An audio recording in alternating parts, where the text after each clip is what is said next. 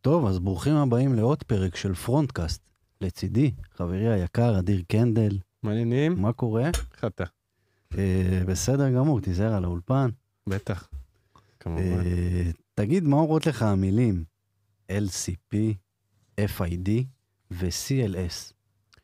מה זה אומר לי? זה אומר לי דברים מאוד חשובים שכל מפתח front צריך להכיר ולדעת אה, את המשמעות שלהם טוב טוב. אוקיי, ואם לא זיהיתי עדיין, תחת איזה קטגוריה זה יושב? תכלס אה, זה תחת אה, ביצועים. אוקיי, ביצועים, אתה יודע, של, אה, של העמוד שלך. מגניב. אז מי שלא מכיר, זה Core Web Vitals, בעצם אופטימיזציית ביצועים, ולשם כך הזמנו מומחה בתחום. אז פתיח קטן ומתחילים.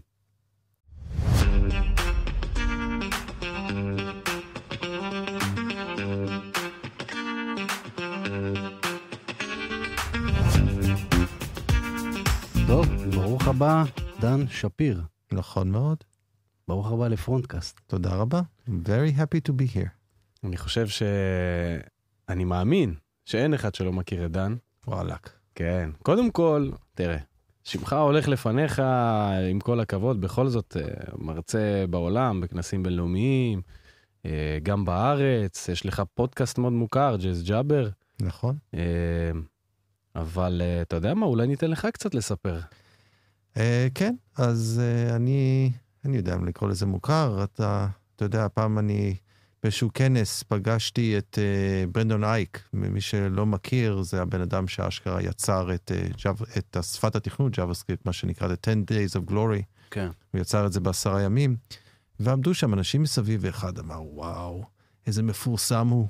ואני לא יכלתי שלא לענות לו, כן, אבל כשהוא הגיע ועשה את ה check in במלון, אני בטוח שהפקיד בקבלה לא זיהה אותו. כן, אה, קורה לכולנו. כן, הוא industry famous, מה שנקרא. כן. אז יכול להיות שאני טיפה industry famous, אולי, אני יודע, בקטנה. אה, לא מרשים את הילדים שלי במיוחד.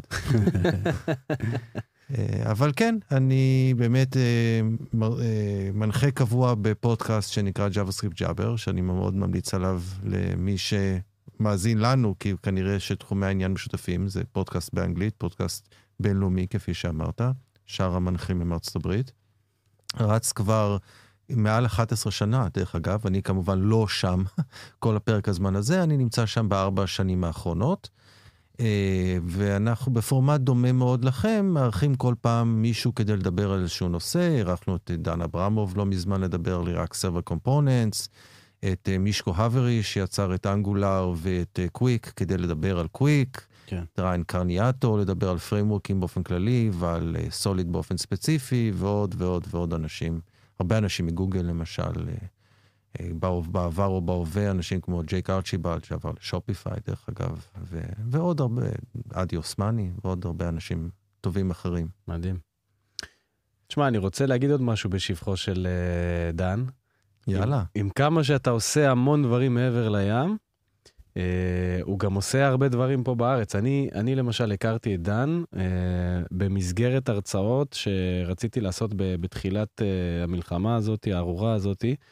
אה, התחלתי לעשות הרצאות למפתחים מהדרום, אה, ופרסמתי באיזה קבוצה של אה, כמה, אה, נקרא לזה אולי יוצרי תוכן.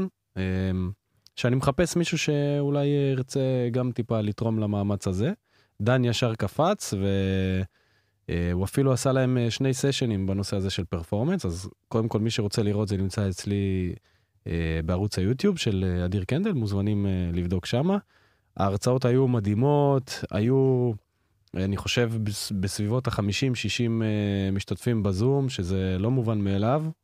כן. אה, כן, במיוחד. שטחנתי להם את המוח, כי זה היה, זה היה יותר workshop מאשר אה, הרצאה. אני חושב שהראשונה עשינו שלוש שעות, והם די נכון. מתו לקראת הסוף, לא, אז, לא נכון. למדנו לקח, ובפעם השנייה עשינו רק שעתיים. אה, מי ששרד כנראה שהוא יהיה מפתח. אה, יש מצב. הנושא, דרך אגב, היה כזה מין deep dive לתוך ה-Chrome DevTools, שזה, דרך אגב, בעיניי אחד הדברים המשמעותיים ביותר שקרו בווב, זה העובדה שבכל הבראוזרים היום יש כזה DevTools built in, שמאפשרים לנו גם לנתח פרפורמנס, אבל באופן כללי לדבג את, ה, את הדפים שאנחנו בונים. אני מספיק אה, ותיק, או מספיק זקן, כדי לזכור ימים שזה לא כל כך היה קיים, והדיבוג היה אלרטים. כן. אה, אז אה, זה עושה את כל ההבדל שבעולם, במיוחד לסוגי האפליקציות שאנשים... כמעט מהפכה בווב, ה-DevTools. אני חושב שהווב המודרני, לטוב ולרע, אה, לא היה יכול לקרות אה, ללא הכלים האלה. אה, אני אומר גם לרע, כי זה גם עודד אנשים לכתוב הרבה מאוד JavaScript, אולי אפילו יותר מדי. אני לא, אני לא רוצה אבל שנצלול ישר, כן. אנחנו עוד נגיע, אני מאמין, גם ל-DevTools. אגב, עוד משהו שדן הרבה תורם לחבר ישראלים, אז הוא מארח, לא, נכון? כמה וכמה ישראלים כבר אירחת בג'ייז ג'אבר. כן, וקודם כל גם אתם מוזמנים. תודה. ואני גם בהחלט קורא לכל מאזיננו, מישהו שרוצה להתארח אצלנו בפודקאסט וחושב שיש לו משהו מעניין לספר עליו, אז הוא בהחלט מוזמן. אירחנו את... נו, את אביתר שהיה אצלכם, אביתר אלוש, נכון, את נכון. מאיה שבין, את... אה, גלעד שוהם. גלעד נכון. שוהם, את... אה, אה, בורח לי שמות כרגע מהראש, מורד שטרן, שבא לדבר על branding כן. אישי. אז זה לא רק חייב להיות על תכנות, זה גם יכול כן. להיות על מה שנקרא דברים שמסביב. כן. איזה יופי. מורד שטרן. טוב, יאללה, נתחיל? נתחיל אה, מההתחלה. אז בעצם, איך הגעת לתחום של, אה, לתחום של אופ, אופטימיזציית ביצועים? אמ, תראו, קודם כל אני איש תכנות אה, ותיק. אני חושב שאני כותב קוד פחות או יותר פרק הזמן שאתם חיים. גדול. uh, uh, כן. Uh, 30 uh, שנה? Uh, תלוי מתי בדיוק מתחילים לספור, אבל משהו בסגנון. Uh, ו... התחלתי בעולם הווב, אפילו בשלב יחסית מאוד מוקדם, כאילו, באתי, הלכתי, באתי, הלכתי, אבל אפליקציית הווב הראשונה שעבדתי עליה הייתה בסוף uh, שנות ה-90. שזה, וזה היה, זה סיפור די מדהים, אני אפילו פרסמתי blog post על זה במדיום, כשהפלטפורמה הזאת עוד הייתה משהו שאנשים השתמשו בו. אה, זה היה סיפור די מדהים, כי בנינו סוף שנות ה-90 משהו שהיה אפקטיבית, offline first, single page application, שאף אחד בכלל לא, המושגים האלה לא היו קיימים אז, רק לתת מושג, AJAX נולד כמה שנים אחר כך, AJAX עוד לא היה קיים כשבנינו את זה. וזה היה uh, UI שנבנה באמצעות JavaScript, וכבר אז התחלנו, נתקלתי בכל מיני בעיות של פרפורמנס באופן לא מפתיע. אבל זה אז עוד לא היה תחום שהתמחיתי בו. Uh, אני אחר כך דווקא קצת עזבתי את עולם הווב, עברתי יותר לעולם ה-Backend לתקופה מסוימת, גם לניהול, אה, רחמנא ליצלן. ואז בערך בשנת 2010, אה, משהו בסגנון, אה, עבדתי בחברה שעשתה תוכנה בתחום ה enterprise, Remote Access Solutions, קצת דומה ל Citrix למי שמכיר, VMware גם עושים כן. פתרונות דומים היום. בגדול אתה מריץ או Windows Desktop או Windows Applications על איזה מחשב מרוחק או אפילו בענן, ומתחבר על זה מה-Device שלך. עכשיו, אז זה היה ממומש באמצעות אה, כזה rich, כאילו native client, והיה לי פתאום את הרעיון אה, שאפשר אולי לעשות את זה עם pure web client, שאפשר, שהטכנולוגיה של ה web אולי מספיק אה, מתקדמת, כדי שבלי להתקין שום דבר, תוכל פשוט לפתוח web browser ולקבל את ה remote desktop או remote Windows application אינטראקטיבי בתוך הדפדפן שלך. באיזה שנה זה פחות או יותר? הרעיון ההתחלתי בא בערך ב-2009, ואז ניסיתי למכור את זה להנהלה, ובאופן מצחיק הם אמרו לי, מה, what's the point? כאילו, מה היתרון של זה רק בדפדפן ולא צריך להתקין תוכנה? Uh, והאמת היא שדווקא טוב שהם אמרו לי לא באותו שלב, כי אז עוד היה טיפה מוקדם מדי. אבל אז שנה אחר כך, בעקבות המכתב הידוע שכתב סטיב ג'ובס, uh, שהוא בגדול הרג את הפלאש, כן. אז הם דחפו לתוך הבראוזר תמיכה בווב סוקטס ובקנבאס, ופתאום זה נהיה אפשרי. אז כי ברגע שאתה, יש לך קנבאס, אתה יכול לצייר מה שאתה רוצה, כולל remote desktop, וברגע שיש לך web socket, אתה יכול לעשות אה, תקשורת full duplex ובצורה סבירה. ופתאום זה נהיה הגיוני לנסות לבנות דבר כזה. אבל שמנו לעצמנו יעד די גבוה כבר מההתחלה, אה, שהיה לנו, לחברה היה, כפי שאמרתי, native client. והתחושה ההתחלתית של האחרים, של כל האנשים האחרים בחברה, היה שבטח נגיע לאיזה ביצועים צולעים, כי ב native client ממש יכלת אפילו לראות אנימציות עובדות על remote machine, לראות אותן רצות אה, אצלך ב frame rate סביר. ואמרנו, אין מצב שזה יעבוד ככה ב browser, בטח ה browser זה יהיה כאילו, אתה תראה כל מסך מצטייר. כן. ואני שמתי לעצמי יעד להגיע ל parity עם ה native client, ובאופן מדהים הצלחנו להגיע לביצועים יותר טובים ב-HTML בתוך ה browser, מאשר ל native ב native client. מעניין. כי ה browser, מסתבר, הוא ממש ממש טוב ב networking וב-UI. הוא GPU Accelerated, הוא כל, כל הדברים הטובים האלה. הרבה מאוד אנשים חכמים מאוד עבדו הרבה מאוד שנים על לאפטם את הדפדפן. ואם אתה מנצל את זה ולא מפריע לו לעשות את העבודה שלו, כפי שהרבה מאיתנו היום עושים עם הרבה מאוד JavaScript, אז הדפדפן יודע לעבוד ממש ממש מהר. ו... ואז מאוד נכנסתי לקטע של אופטימיזציות, ולמדתי איך לעבוד בצורה שכמה שפחות מפריעה לדפדפן לעשות את הדברים שלו. עכשיו, באותה תקופה עשינו מוצר, זה המוצר מאוד הצליח, זה אפילו הפך להיות מוצר הדגל של החברה, אחר כך הם שינו כיוון, כבר לא הייתי שם, זה היה הליבה של הכיוון החדש, זה סיפור אחר, מאז הם כבר אפילו נמכרו.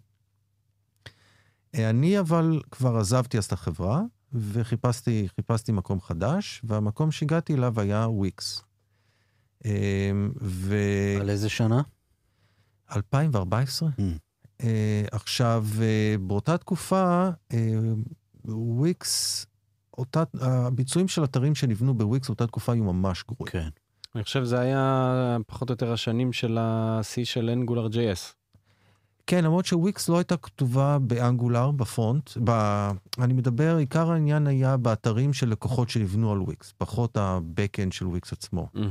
והאתרים שנבנו על וויקס בעצם הם היו רצים על מעין ספרייה של וויקס שהייתה בנויה אז, עוד היסטוריה ותיקה, 2014, על MooTools.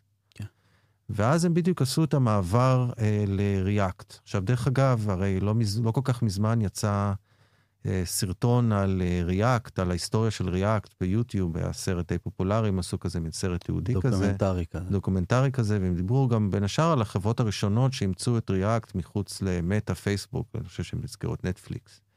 ואני קצת כעסתי עליהם, כי אני חושב שהחברה פחות או יותר הראשונה שאימצה בגדול את React מחוץ למטא הייתה וויקס.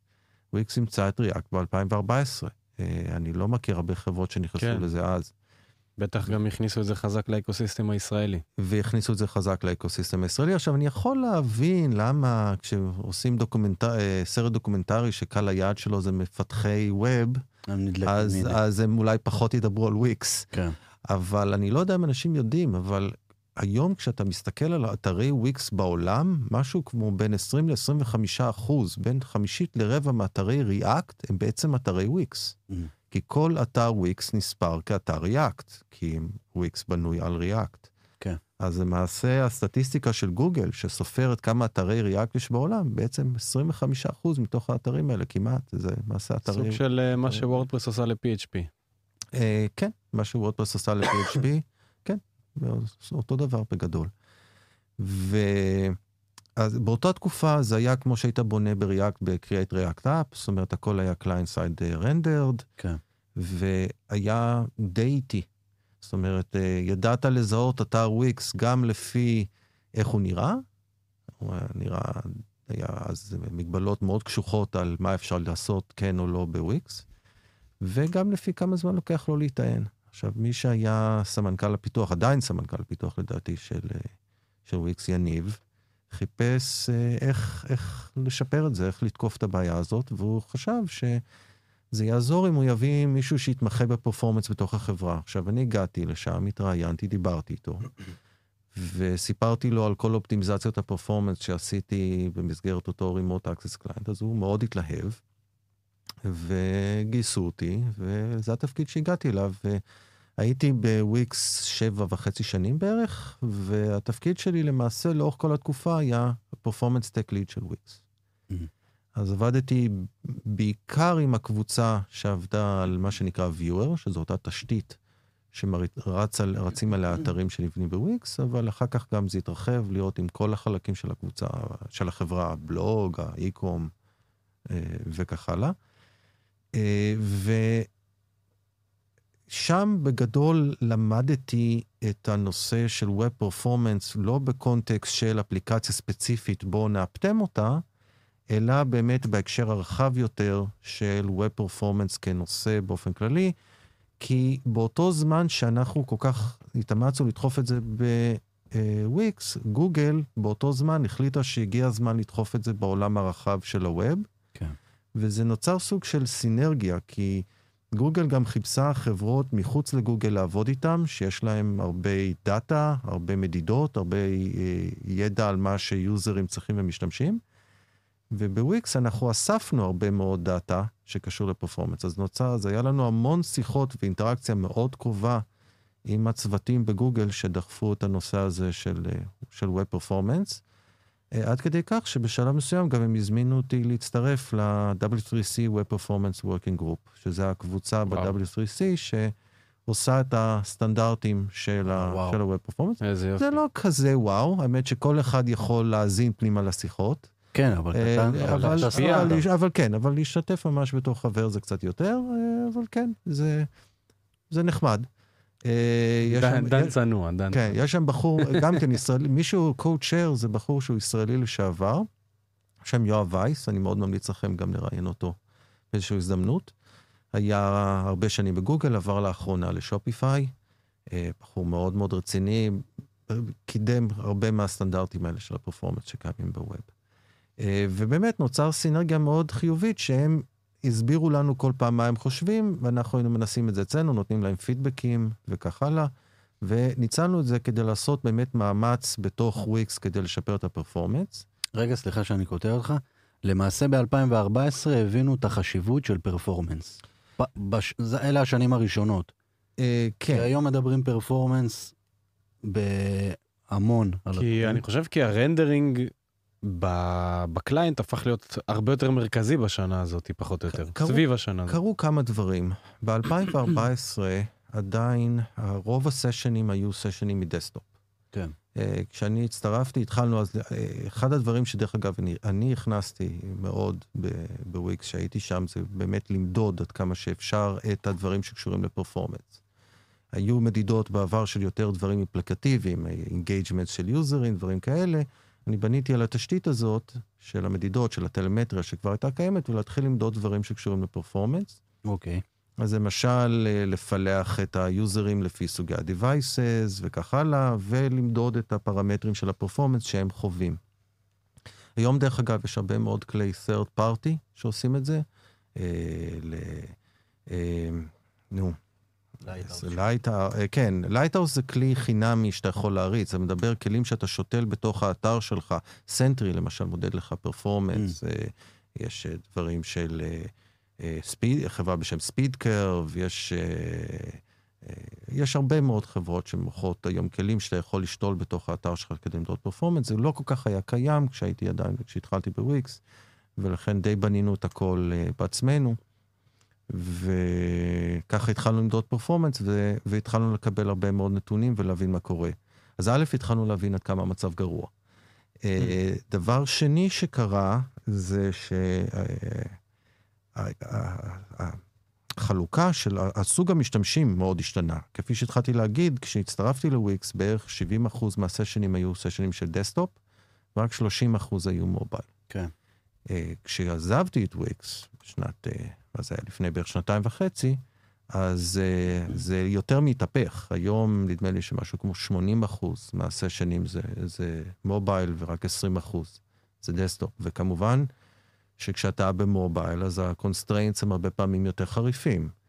בנוסף, גם וויקס הפכה להיות חברה הרבה יותר בינלאומית, מוכרת למקומות כמו נגיד אה, הודו, אה, דרום אמריקה וכך כן. הלאה, איפה שהרשתות אה, באופן טבעי יותר פחות טובות והמכשירים יותר זולים. זאת אומרת, אצלך בדפדפן ברירת מחדל, slow 3G. כן. אני יודע, אני יכול להגיד שהטלפון שלי האישי הוא אנדרואיד לא מי יודע מה מלפני איזה ארבע שנים, ואני מסתפק בו בין השאר. אפשר להגיד שגם בשביל זה, כדי לראות אה, איך אה, חי שאר העולם. אה, עכשיו, באותו זמן גם קרה דבר מעניין. גם גוגל החליטו ש performance בעצם זה צריך להיות משהו חשוב. כי יש לנו, אני אוהב להגיד שיש לנו מזל מאוד uh, גדול ב, ב, בכלל, בעולם, שבמקרה מה שטוב ל web, גם ברוב המקרים טוב ל bottom line של גוגל.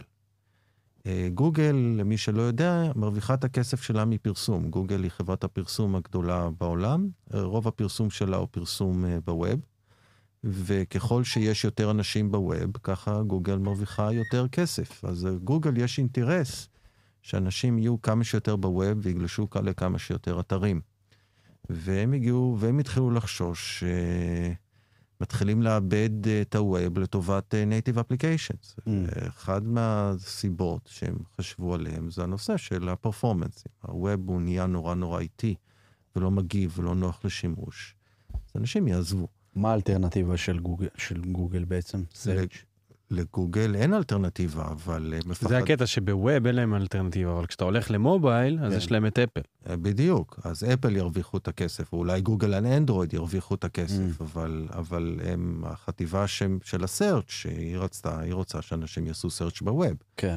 אז הם רצו לעודד את התעשייה להשתמש, לגרום לאתרים להיות יותר מהירים. אופטימליים. יותר כן. אופטימליים. עכשיו, הם עשו את זה כבר בעבר, הם ככה הם עודדו את התעשייה לעבור ל-HTTPS.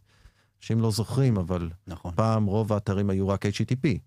ואני, ורק למשל, רק כשהיית נכנס לדף של הרכישה, זה היה פתאום מתחלף נכון. ל-HTTPS. שזה כמובן מאוד גרוע, כי אז אנשים יודעים איזה מוצרים אתה מסתכל עליהם וכל מיני דברים כן. כאלה שאמורים להיות פרטיים. אז איך אה, גוגל עודדו את האנשים לעבור ל-HTTPS? הם עשו uh, שני דברים. הם קודם כל שינו בכרום, שזה מציג, אם אתם זוכרים, זה היה מציג ירוק, שזה באדרס, כן, שזה... נכון. הדבר השני שהם עשו, הם באו ואמרו לכל בעלי האתרים, אנחנו ניתן העדפה ב-search results לאתרי HTTPS. ואז כל ה-SEOים למיניהם אה, נדלקו והבין, ולחצו על כל האנשים הטכנולוגיים לעבור ל-HTTPS, ו, וזה עבד. אז גוגל בגדול החליטו לעשות את אותו טריק גם עבור performance, והם באו והם אמרו, החל מתאריך מסוים, אנחנו מתחילים למדוד performance כ ranking factor. לא ה ranking factor העיקרי, ה ranking factor העיקרי הוא עדיין התוכן ו-authority.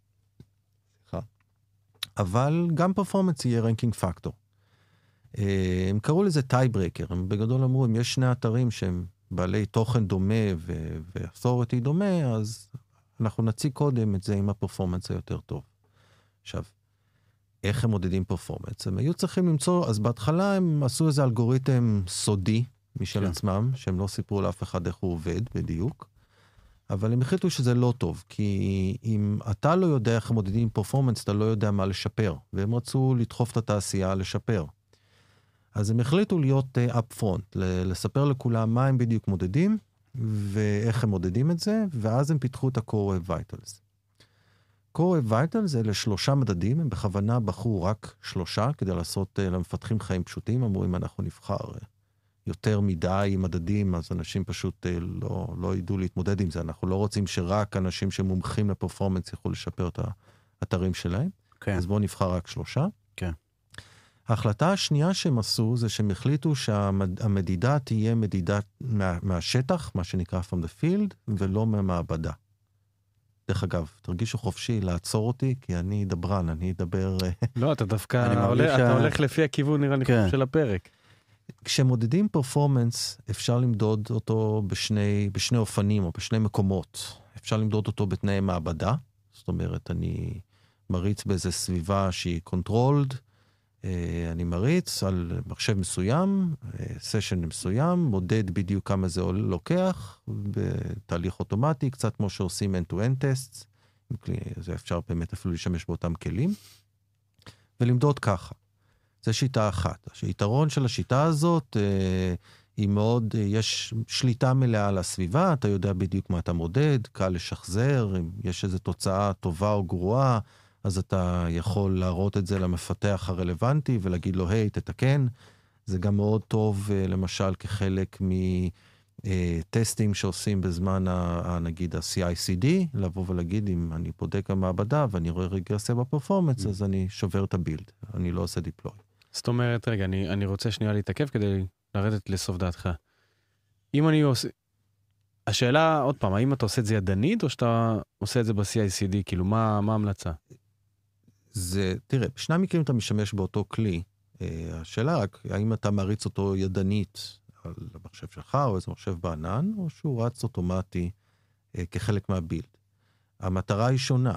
המטרה שאת, שאתה מריץ את זה אצלך, זה כדי uh, לעשות, uh, נגיד, uh, בדיקה או סוג של דיבוג, לראות uh, אם קלקלתי את הפרפורמנס, אז לנסות בעצמי להבין איפה קלקלתי. Uh, הרצה כחלק מתהליך הבילד הוא מה שנקרא uh, performance budget. Uh, אני הגדרתי שאני למשל משתמש בכלי כמו Lighthouse, Lighthouse נותן איזשהו score בין 1 ל-100. אה, אני מגיע, אני מחליט, החלטתי שאם אני מקבל score שנמוך מ-70, סתם זורק מספר, אז אני לא, לא עושה deploy. אה, אני שובר את, ה, את התהליך ה deploy, כדי לא לעשות רגרסיה ב performance. אה, אבל אני בגדול בדרך כלל להשתמש באותו כלי, כי אם אני גם באמת שברתי את הדיפלוי, כי הייתה רגרסיה, אז אני רוצה לשלוח, תגיד למפתח, הנה, זאת, זה הסיבה שזה נשבר, עכשיו תתקן. עכשיו זאת הוא... אומרת, אתה כאילו בתהליך CICD, בוא נגיד הבילד מתחיל לרוץ, יכול להיות שיש איזשהו כלי כמו פפטיר, שיכול להריץ איזה Headless בראוזר כזה. בדיוק. ואז אתה מתממשק ל-APIים של הבראוזר כדי לנסות ולהבין מה הביצועים. אני לא צריך לעשות את זה בעצמי, יש כלי Lighthouse של גוגל שעושה בדיוק את מה שאתה תיארת. זאת אומרת, הוא מתחבר ויש... עם ה Puppeteer? הוא בגדול רץ נגיד מעל Puppeteer, והוא, mm-hmm. דרך אגב, גם, גם בכרום על ה desktop שלך, אם אתה תפתח את ה-DevTools, אחד הטאבים זה Lighthouse. כן. זאת אומרת, הם עשו אינטגרציה, בגלל שזה כלי של גוגל, זה אמנם כלי open source, אבל זה כלי של גוגל, הם עשו לזה אינטגרציה לתוך הדפדפן שלהם. אבל בפפטיר אתה פשוט מריץ את אותו כלי בצורה שהיא הדלס. כן. על, ה, על, ה, על איזושהי מכונה וירטואלית, ופשוט רואה את התוצאה יחסית נגיד לבילד הקודם. ואז... אתה יותר גרוע, אתה שובר את הביל. ואז כאילו אם הביל נשבר, אז אתה אומר, טוב, אז אני מבין איפה זה, עכשיו אני לוקח את זה ידנית, ואני מנסה להבין מה קרה פה בתהליך. בדיוק, ואני מתקן, מריץ ידנית, רואה שזה השתפר או לא השתפר, ועד שאני מגיע לאיפה שאני רוצה. אבל עכשיו, היו אנשים שחשבו שככה גם גוגל יבדוק את הפרפורמנס ב... של אתרים בווב, שנגיד הם... כשה-search bot יגיע לאיזה אתר, אז הוא גם יריץ עליו את איזושהי בדיקת פרפורמנס וימדוד את זה ככה.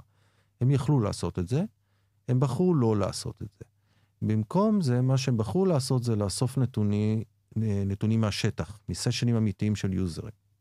מה שהם עשו, הם למעשה שתלו קוד שלהם בתוך הדפדפן, כי הפלא ופלא, כרום זה שלהם, וכל site שאתה גולש אליו, גוגל אוספים נתונים על הגלישה שלך, כולל נתוני performance, שולחים את זה ל database של גוגל בענן. איזה כיף להיות מונופול.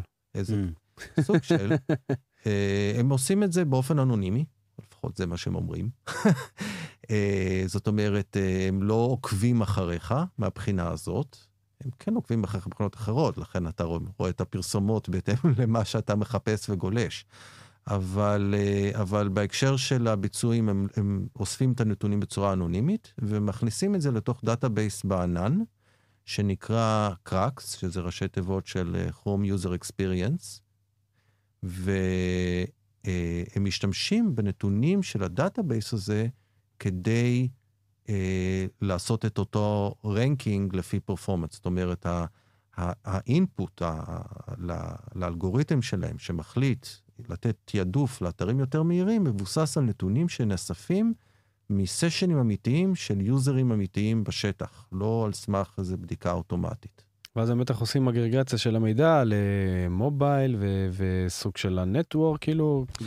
הם, הם אוספים נתונים כאלה, אה, ומה שדרך אגב יפה זה שהם לא רק משתמשים בזה בעצמם, אלא הם למעשה פתחו את ה database הזה לכולם. זאת אומרת, אתה גם כן יכול ללכת ל database שלהם, ולהריץ, והוא פתוח, חינם, ולהריץ עליו שאילתות. שאילתות, דרך אגב, לאו דווקא בחינם. אתה משתמש קווירי, אז אתה משלם על, על הזמן הקומפיוט של קווירי. כן. אבל הם כן נתנו כלים שהם בנו, שיושבים על הדאטה הזה, והשימוש בהם הוא לגמרי חינמי, אז אתה יכול.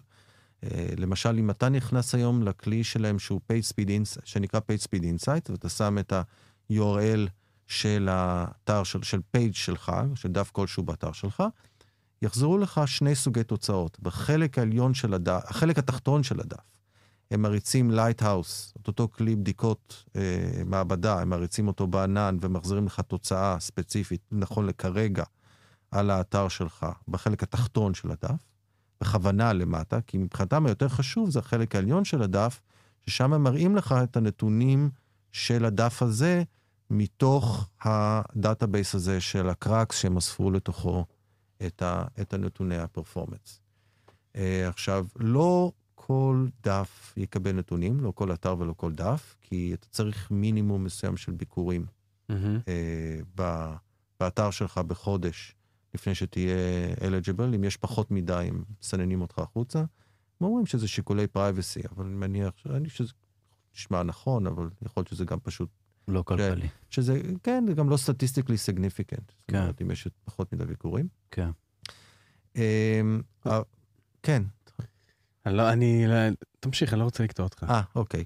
אז uh, אתה יכול לראות את הנתונים שגוגל אספו עליך. האמת היא שהצורה הכי טובה לראות את הנתונים שגוגל אספו עליך, כולל גם אם יש כמות קטנה מדי של...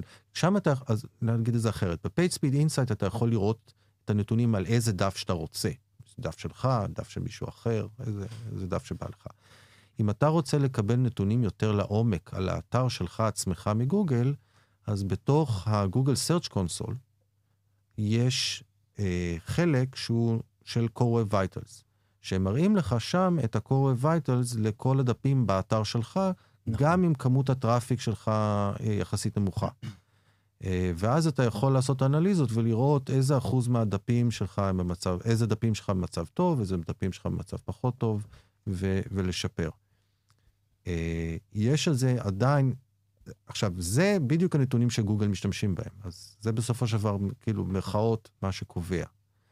יש אבל כמה בעיות עם הנתונים האלה. קודם כל, אה, אם יש פחות מדי נתונים, אז אתה לא, קשה, קשה להבין בדיוק מה קורה. ב', הם, הם לא עושים לך סגמנטציה לפי נגיד גיאוגרפיה או דברים כאלה, הם מראים לך את הנתונים באופן. הם כן עושים סגמנטציה לפי מובייל ו-desktop, אבל זה פחות או יותר זה. והם מראים לך תוצאה אגרגטיבית על פני 28 יום. אז אם אתה עושה שינוי, יכול לשיפור, למשל, או אה, אלטרנטיבית, בטעות עשית משהו שמרע, ייקח זמן שאתה תראה את זה. כן. ולכן, אם אתה משתמש בכלים שהם... אה, וכמובן החיסרון האחרון, שזה רק נתונים מכרום. אם זה יש לזה פן אחר, אז כן. הם לא אוספים עליו.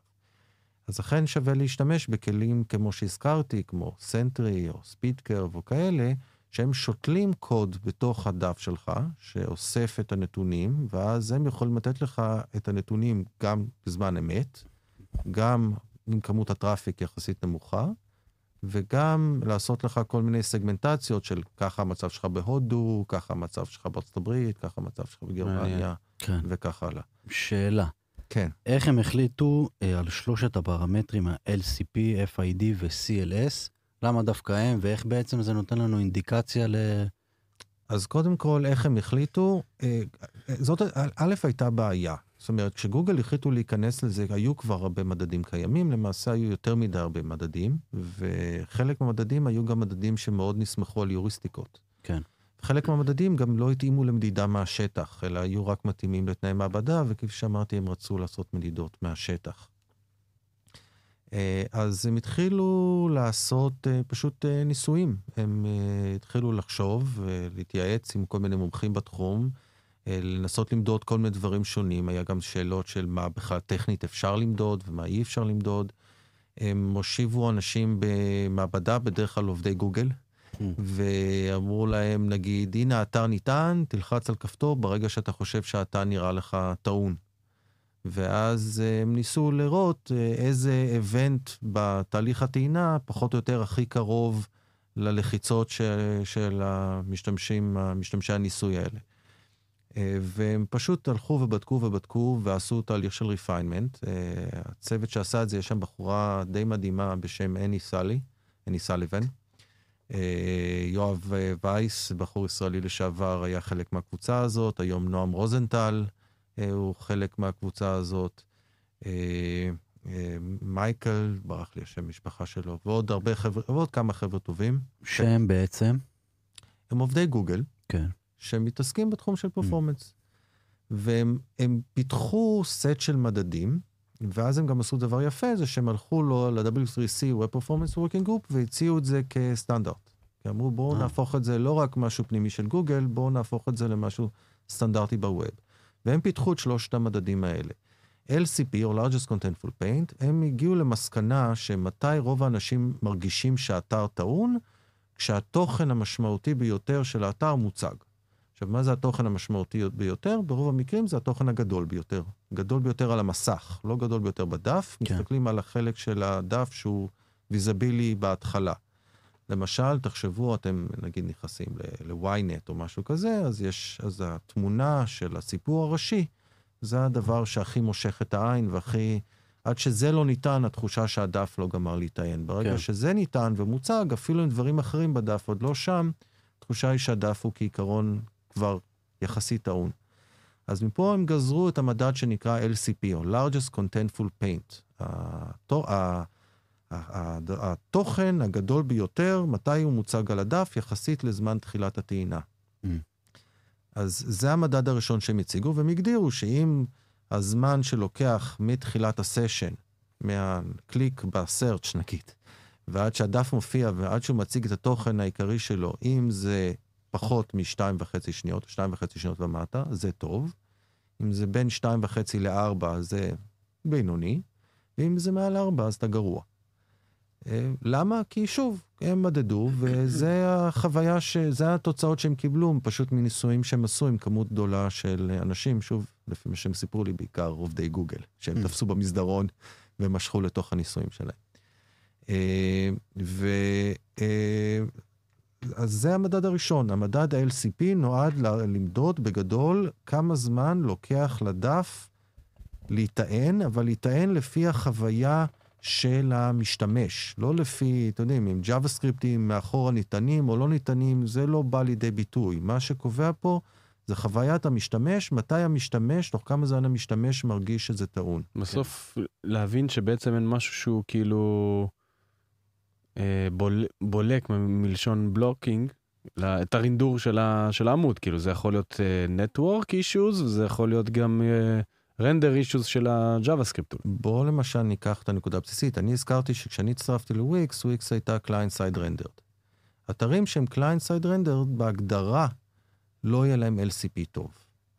כי כדי לצייר את התוכן הם קודם יורד בדרך כלל דף ריק, כאילו white page. צריך את ה-JavaScript. אתה צריך להוריד את כל ה-JavaScript, לפרסר את ה-JavaScript, להריץ את ה-JavaScript, ה-JavaScript אחרי שהוא רץ, הוא בדרך כלל עושה איזה קריאת Ajax ל-backend כדי להבין מי נגד מי ואיזה דאטה בכלל צריך להציג, מקבל את ה-Ajax בחזרה, מעדכן את ה-HTML בהתאם ל-Ajax שחזר, ורק אז בכלל נוצר ה-image element בתוך הדף, ורק אז התוכן מתחיל uh, לרדת. אוקיי. לעומת uh, אם ה-image tag שתול ישירות בתוך הרספונס, אז אפילו, לא צריך אפילו להוריד את כל ה-HTML. ברגע שהחלק ה...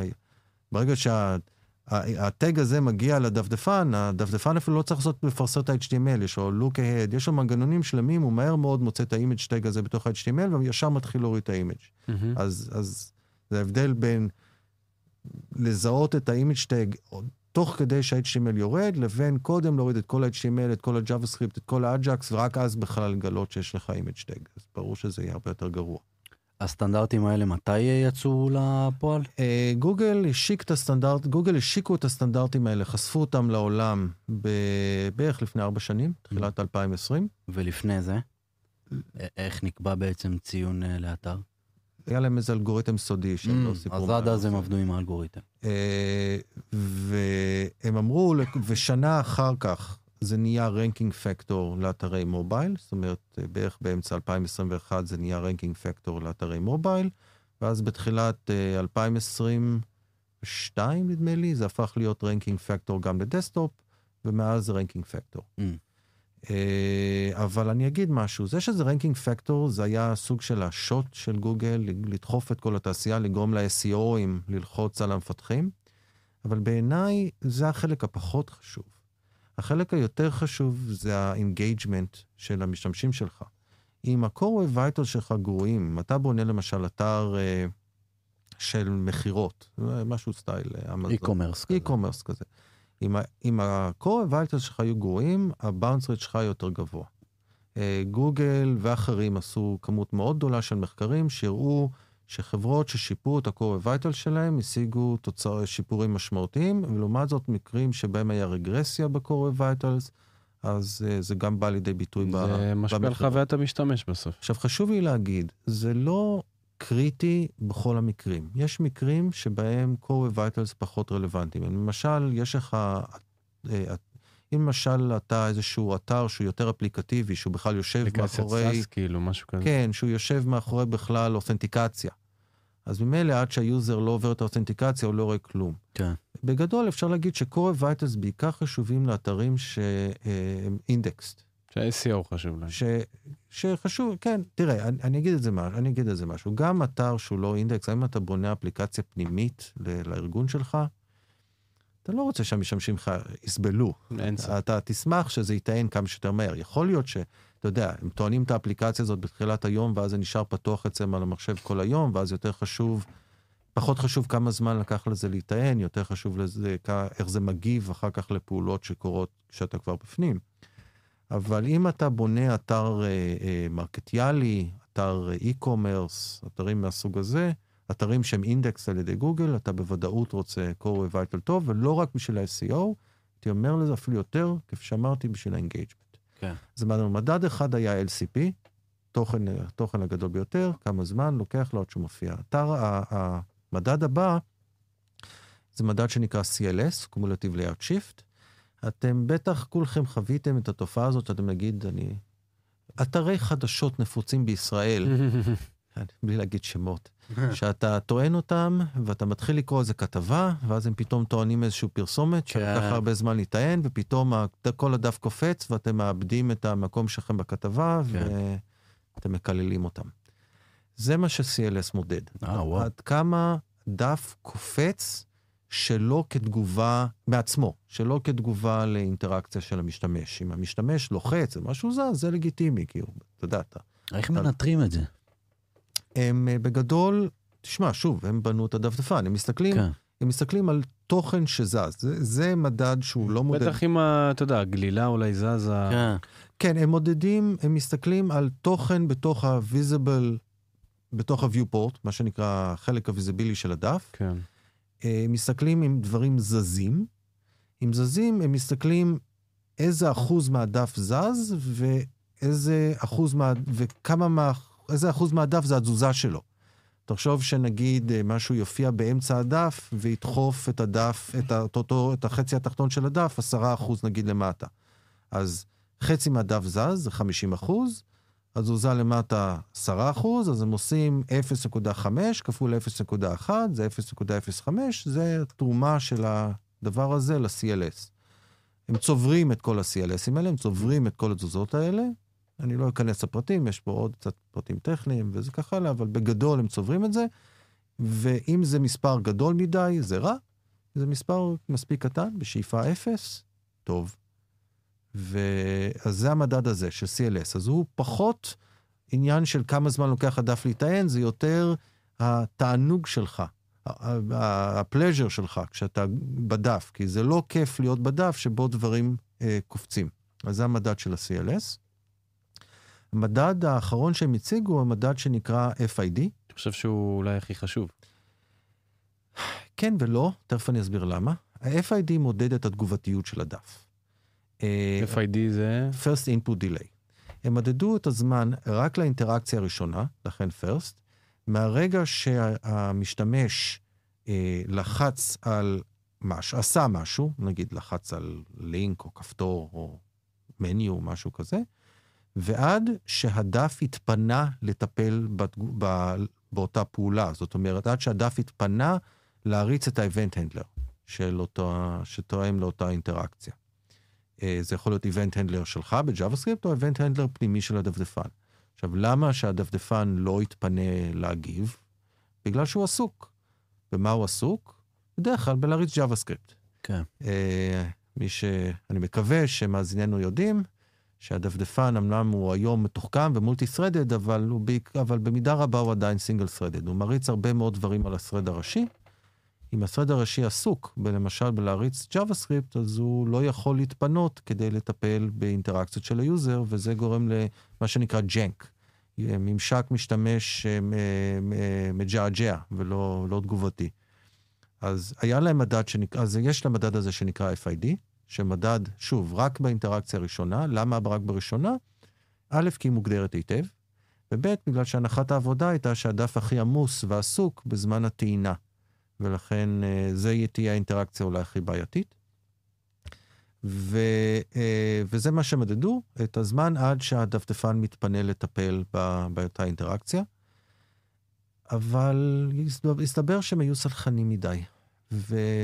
וכולם, היום כולם מקבלים ציון מצוין במדד הזה. אה, אם אתה בודק, אתה רואה שממש מי שאתה לא בודק, איזה אתר שאתה לא בודק, חוץ מאשר יוצאי דופן מעטים, הציון ה-FID של האתר הוא מעולה. וכמו שמבחן בבית ספר שבו כל התלמידים מקבלים 100, בתכלס לא אומר שום דבר, זה מה שקרה פה, ולכן הם היום בתהליך של החלפה של המדד הזה. מעניין. Uh, החל מ, נדמה לי, מרץ השנה, יחליף את המדד FID, מדד חדש, שעד עכשיו היה ניסיוני. כבר אפשר לראות את הנתונים שלו, הם כבר הרבה זמן צוברים את הנתונים, נותנים לאנשים, חושפים את האנשים למדד הזה. לא מזמן הם גרמו לכל ה-SEOים להתפלץ, כי הם חשפו את המדד הזה בתוך ה-Google Search Console. Mm. Uh, והמדד הזה נקרא INP, או, שזה Input to Next Paint, הם קפצו על ה-T, Input Next Paint, שזה מודד את הזמן בין האינטראקציה לפיינט שנובע מאותה אינטראקציה. יפה. הפיינט, עכשיו, ומה שיפה פה, הם לא מדדים רק את הראשון, אלא מסתכלים לטובת העניין על הגרוע ביותר לאורך כל חיי הסשן. לא בדיוק הגרוע ביותר, כי הם אומרים, יש Outliers, כאילו, הם לוקחים את האחוזון ה-98, נדמה לי, משהו בסגנון הזה. והמדד הזה אמור להחליף את FID במרץ השנה, וממש לא כולם מקבלים 100 במדד וואו, הזה. כן, זה, זה ממה שזה נשמע, עצם העובדה שזה נמדד על פני רוב הסשן, כאילו זה נשמע, זה, הולך להפוך כאילו את, ה, את הווב, אני חושב. כן, אה, אבל האמת היא פחות, זה פחות נורא ממה שהיית חושב. גם אני באתי את החשש הזה בפני גוגל, ומה שהם אמרו לי, זה שלפי הבדיקות שלהם, אז אה, בדרך כלל מי שיש לו LCP גרוע, זאת אומרת, מי שיש לו INP גרוע, יש לו כבר LCP גרוע. אז זה להיות גרוע רק במדד אחד, עכשיו אתה תהיה גרוע בשני מדדים. אה, אז, אז זה לא ש... אז, אז זה לא שפתאום המון אנשים שהיו טובים בהכל, פתאום יהיו לא טובים בהכל, אבל, אבל זה ללא ספק ישפיע. דרך אגב, בהקשר הזה חשוב להגיד, יש דבר עוד מעניין להגיד. יש אתר של גוגל, הם עשו, הם עשו ניתוח יפה. הם לא רק מראים לך איך ה, אה, הדף שלך, איך הביצועים של הדף שלך, אלא הם גם עשו אה, אנליזה לפי טכנולוגיות. הם יודעים לבוא ולהגיד לך, איזה אחוז מהאתרים שמשתמשים בריאקט, יש להם core web vitals טוב, כן או לא. תשמע, אתה מתפרץ האמת פה לדלת פתוחה, אני חושב. מה זה, אדיר כבר בודק מזה? לא, לא, לא, זה כבר השאלה הבאה שלנו, כאילו, איך הכלים המודרניים, או הספריות, יכולים לשנות לטובה או לרעת המטריקות? אה, תראה, יש הרבה דברים שמשפיעים על המטריקה. כאילו, רמזנו מקודם, סיפרת מוויקס, ש-React, כאילו, עוד... בכללי, front-end rendering, זה, זה משהו שיכול להשפיע. דרך אגב, מה שלא. סיימתי להגיד על וויקס, זה שוויקס, כשהייתי שם, וגם אחרי שעזבתי, עשו כמות עצומה של עבודה, עבדו, עברו מ-client side render ל-server side render, עברו מלעשות layout עם הרבה JavaScript, לעבוד layout שהוא כמעט pure CSS, עם, עם, flex, עם flexbox ועם grid. ועוד uh, להיות מאוד אגרסיביים עם caching ו-CDNים וכך הלאה, ובכלל באופן כללי כתיבה מחודשת של כל ה-client, ה-client נדמה לי נכתב פעמיים מ-0. וויקס השקיע משהו כמו, אני סתם זורק מספר, אבל זה, זה, אני לא חושב שזה way off, משהו כמו איזה 200-300 שעות, שנות אדם בשיפור הביצועים של, של אתרי וויקס, זה כאילו, ו, ולא של אנשים זולים. אז uh, כאילו השקעה מסיבית אה, והתוצאה היא שיפור ביותר מסדר גודל. זאת אומרת, אתרי וויקס היום, ממצב שבו כשרק התחלנו, רק 4% מאתרי וויקס בעולם עברו את ה-core vitals, היום לדעתי זה משהו כמו 60 אחוז. וואו. זאת אומרת, זה יותר מפי 10. של בוא נראה במרץ שיפור. מי יעבור. זה ישפיע לא טוב על וויקס, כי וויקס עדיין מורידה יחסית לא מעט אה, JavaScript, אבל אני סומך עליהם להשקיע ולהתאמץ אה, ולפתור את זה. הם, ועדיין, ובוודאי הם לא ירדו ל-4%, אז הם ירדו מ-60% ל-50%. טוב, יש, אז, אבל, אז אה, שוב, באמת, יש לנו כבר סוג של פתרונות לזה היום, לא? אה, כן, אז בוא, בוא התחלתי להגיד. קודם כל, תשמע, אה, עם כל הכבוד לפתרונות הטכנולוגיים, אתה יכול לעשות פתרונות טכנולוגיים מפה עד הודעה חדשה, בא איש העיצוב של האתר ודוחף אה, גיף של אה, 12 מגה על ההום פייג' וכל מה- שעשית הלך לפח. כן. אה, בנוסף, היום יש את כל ה-third party pixels של, אתה יודע, גוגל, ה-Google Tag Manager ו-Facebook Pixel וכל אלה, Exponea, ויש מפה עד להודעה חדשה, והם מוסיפים המון overhead ופוגעים בביצועים של האתר, הרבה פעמים הרבה יותר מאשר כל הקוד אה, שלך.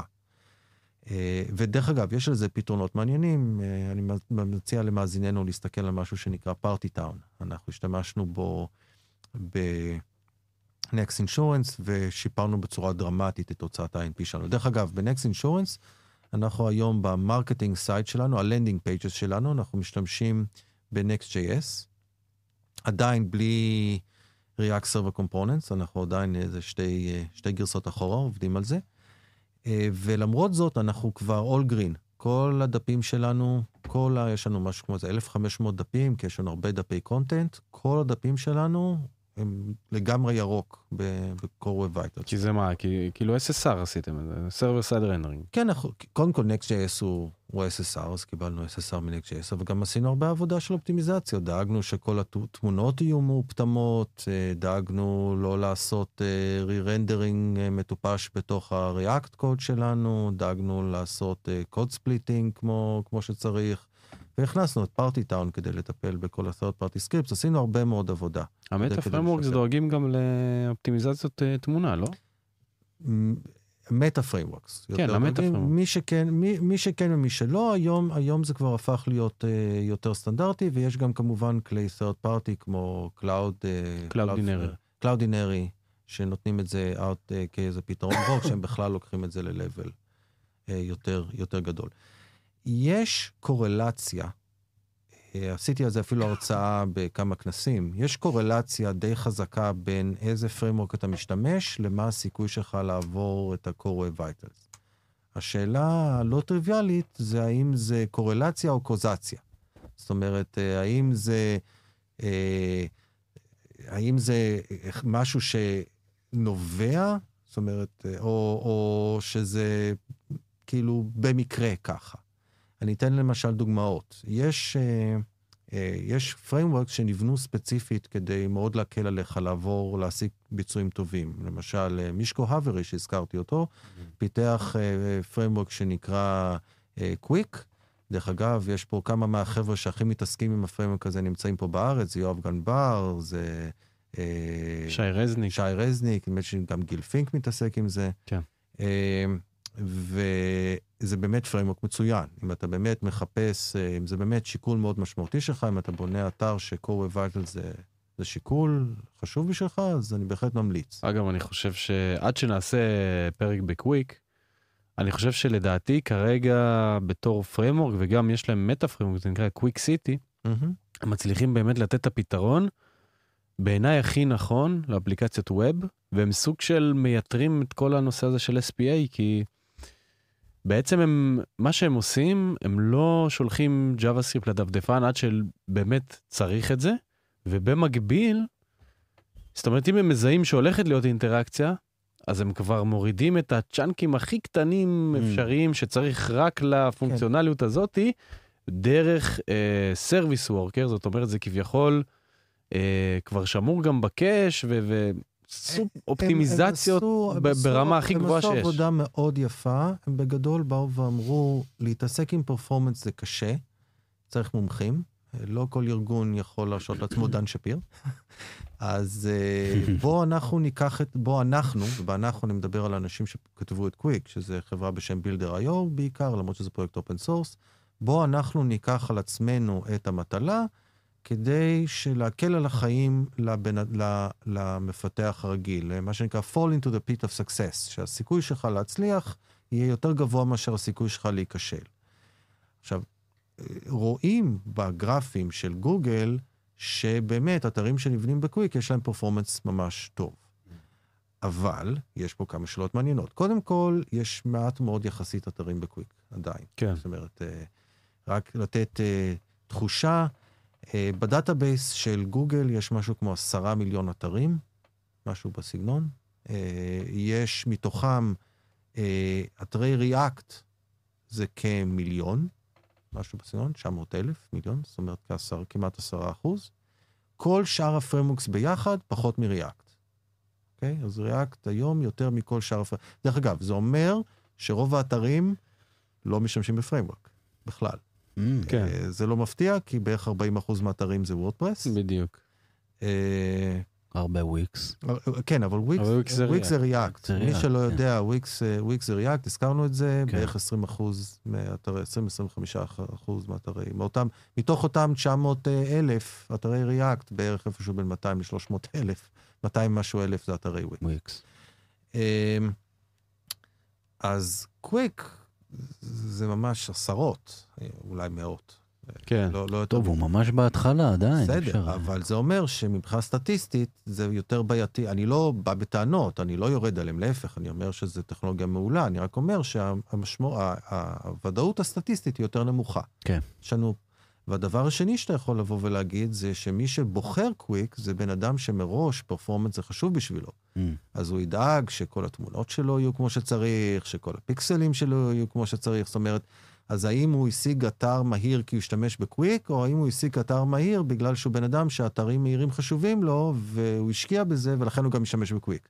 זאת אומרת, זה עניין של ביצה ותרנגולת.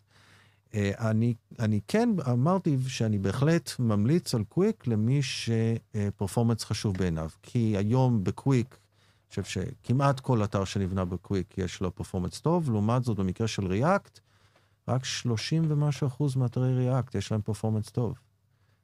לא מצב uh, סבבה, כמעט 40 אחוז, אפשר להגיד 40 אחוז, 40 אחוז מאתרי React יש, ודרך אגב, וויקס מושך אותם כלפי מעלה. כן. Uh, כי וויקס הוא אפילו, אחוזים של וויקס יותר טובים. לעומת זאת, Next.js באופן משעשע, נכון לכרגע, אני מקווה שזה ישתנה עם React Server Components, אבל Next קצת מושך React למטה. וואלה. כן. חלק מזה, אני מניח, זה גם פשוט long tail. זאת אומרת, אתרים, אנשים בנו אתר באיזושהי גרסה ישנה של Next.js ולא מעדכנים. אתה יודע מה תעשה. אמ, אבל uh, האמת היא שה meta frameworks, um, סוג של טיפה החזירו אותנו אחורה, אבל עדיין התקדמנו, כאילו, הביאו לנו את ה-SSR, שכולנו מבינים מה זה, יש לנו SSG. כן, כולנו מבינים מה זה?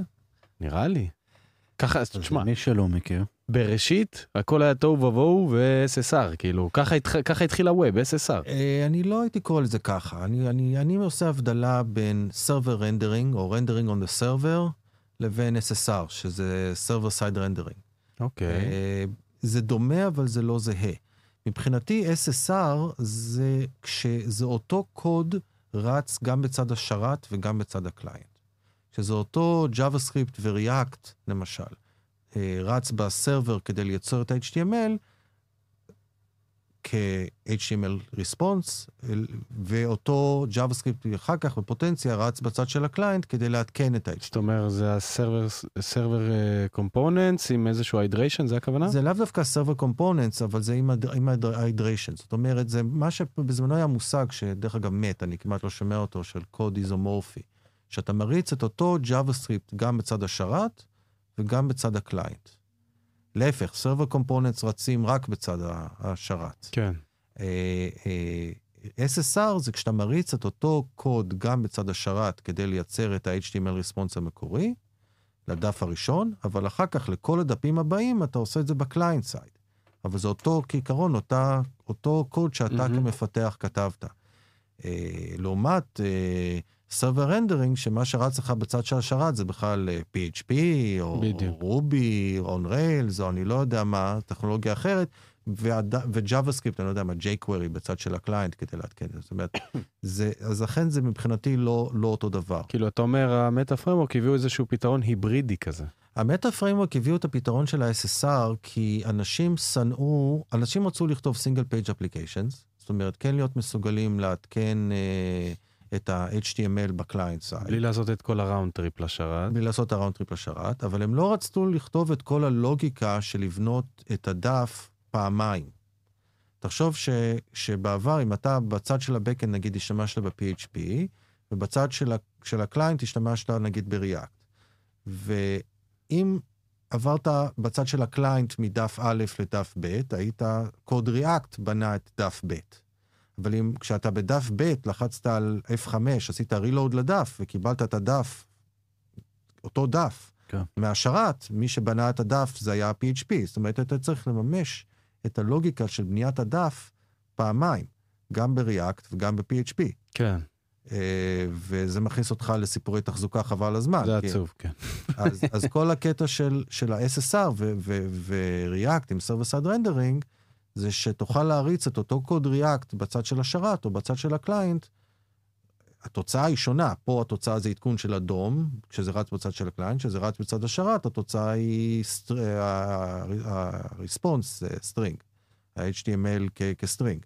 אבל, אבל ה-HTML שיוצא הוא אותו HTML. בתכלס, גם ה hydration עצמו אה, עכשיו... היה מביא איתו... עכשיו אנחנו. מגיעים ל hydration. ההידריישן זה כשאתה עושה SSR ואתה מקבל את ה-HTML מצד השרת, ה-HTML שמגיע לך הוא סוג של כאילו תמונה. קיבלת HTML, אבל הוא לא HTML אינטראקטיבי, הוא... כי כל המבנה הנתונים של ה-React, שאומר, אה, אם לוחצים פה אז עושים ככה, ואם מושכים פה אז קורה זה, הוא לא, הוא לא רץ עדיין. אז ההידריישן הוא להריץ את כל ה-React עוד פעם בצד של הקליינט, שלא מעדכן את ה-UI, כי ה-UI כבר הגיע מה, מהשרת, אבל הוא כן מחבר את כל, ה, את כל האינטראקטיביות. מסנכרן. זה מסנכרן. הוא, הוא, אז למעשה, כשאתה עושה SSR, אתה למעשה, אפשר להגיד, אתה מריץ את כל ה-JavaScript פעמיים. אתה מריץ את זה פעם אחת בצד של השרת כדי לבנות את ה-HTML שיורד אל ה client, ואז עוד פעם בצד של ה client כדי להפוך את הדף להיות אינטראקטיבי. וזה עושה בעיות performance. כי אם אתה צריך להוריד את כל... כי זה אפילו יותר גרוע מבעיית performance. כי תחשוב מה, מה זה בעצם אומר. ה user קיבל דף שנראה שלם, זה מוצג לו על המסך, נגיד שה JavaScript עוד לא גמר לרוץ. אולי אפילו עוד לא גמר לרדת, כי צריך הרבה JavaScript אה, להוריד והרבה JavaScript להוריד. ואז, ובינתיים ה user מנסה לעשות אינטראקציה עם הדף. כי הוא כבר רואה את הדף, אז למה שהוא לא יעשה אינטראקציה? אבל הדף לא יגיב. כן. כי עוד לא עשינו את ההידרציה, עוד לא חיברנו, עוד לא חייתנו, עוד לא חיברנו את כל האבנט הנדרים, עוד לא הכנסנו את כל הלוגיקה. אז הדף פשוט לא יגיב.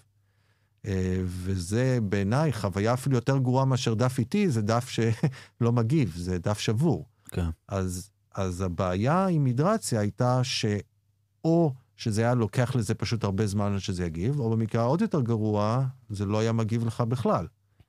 ו...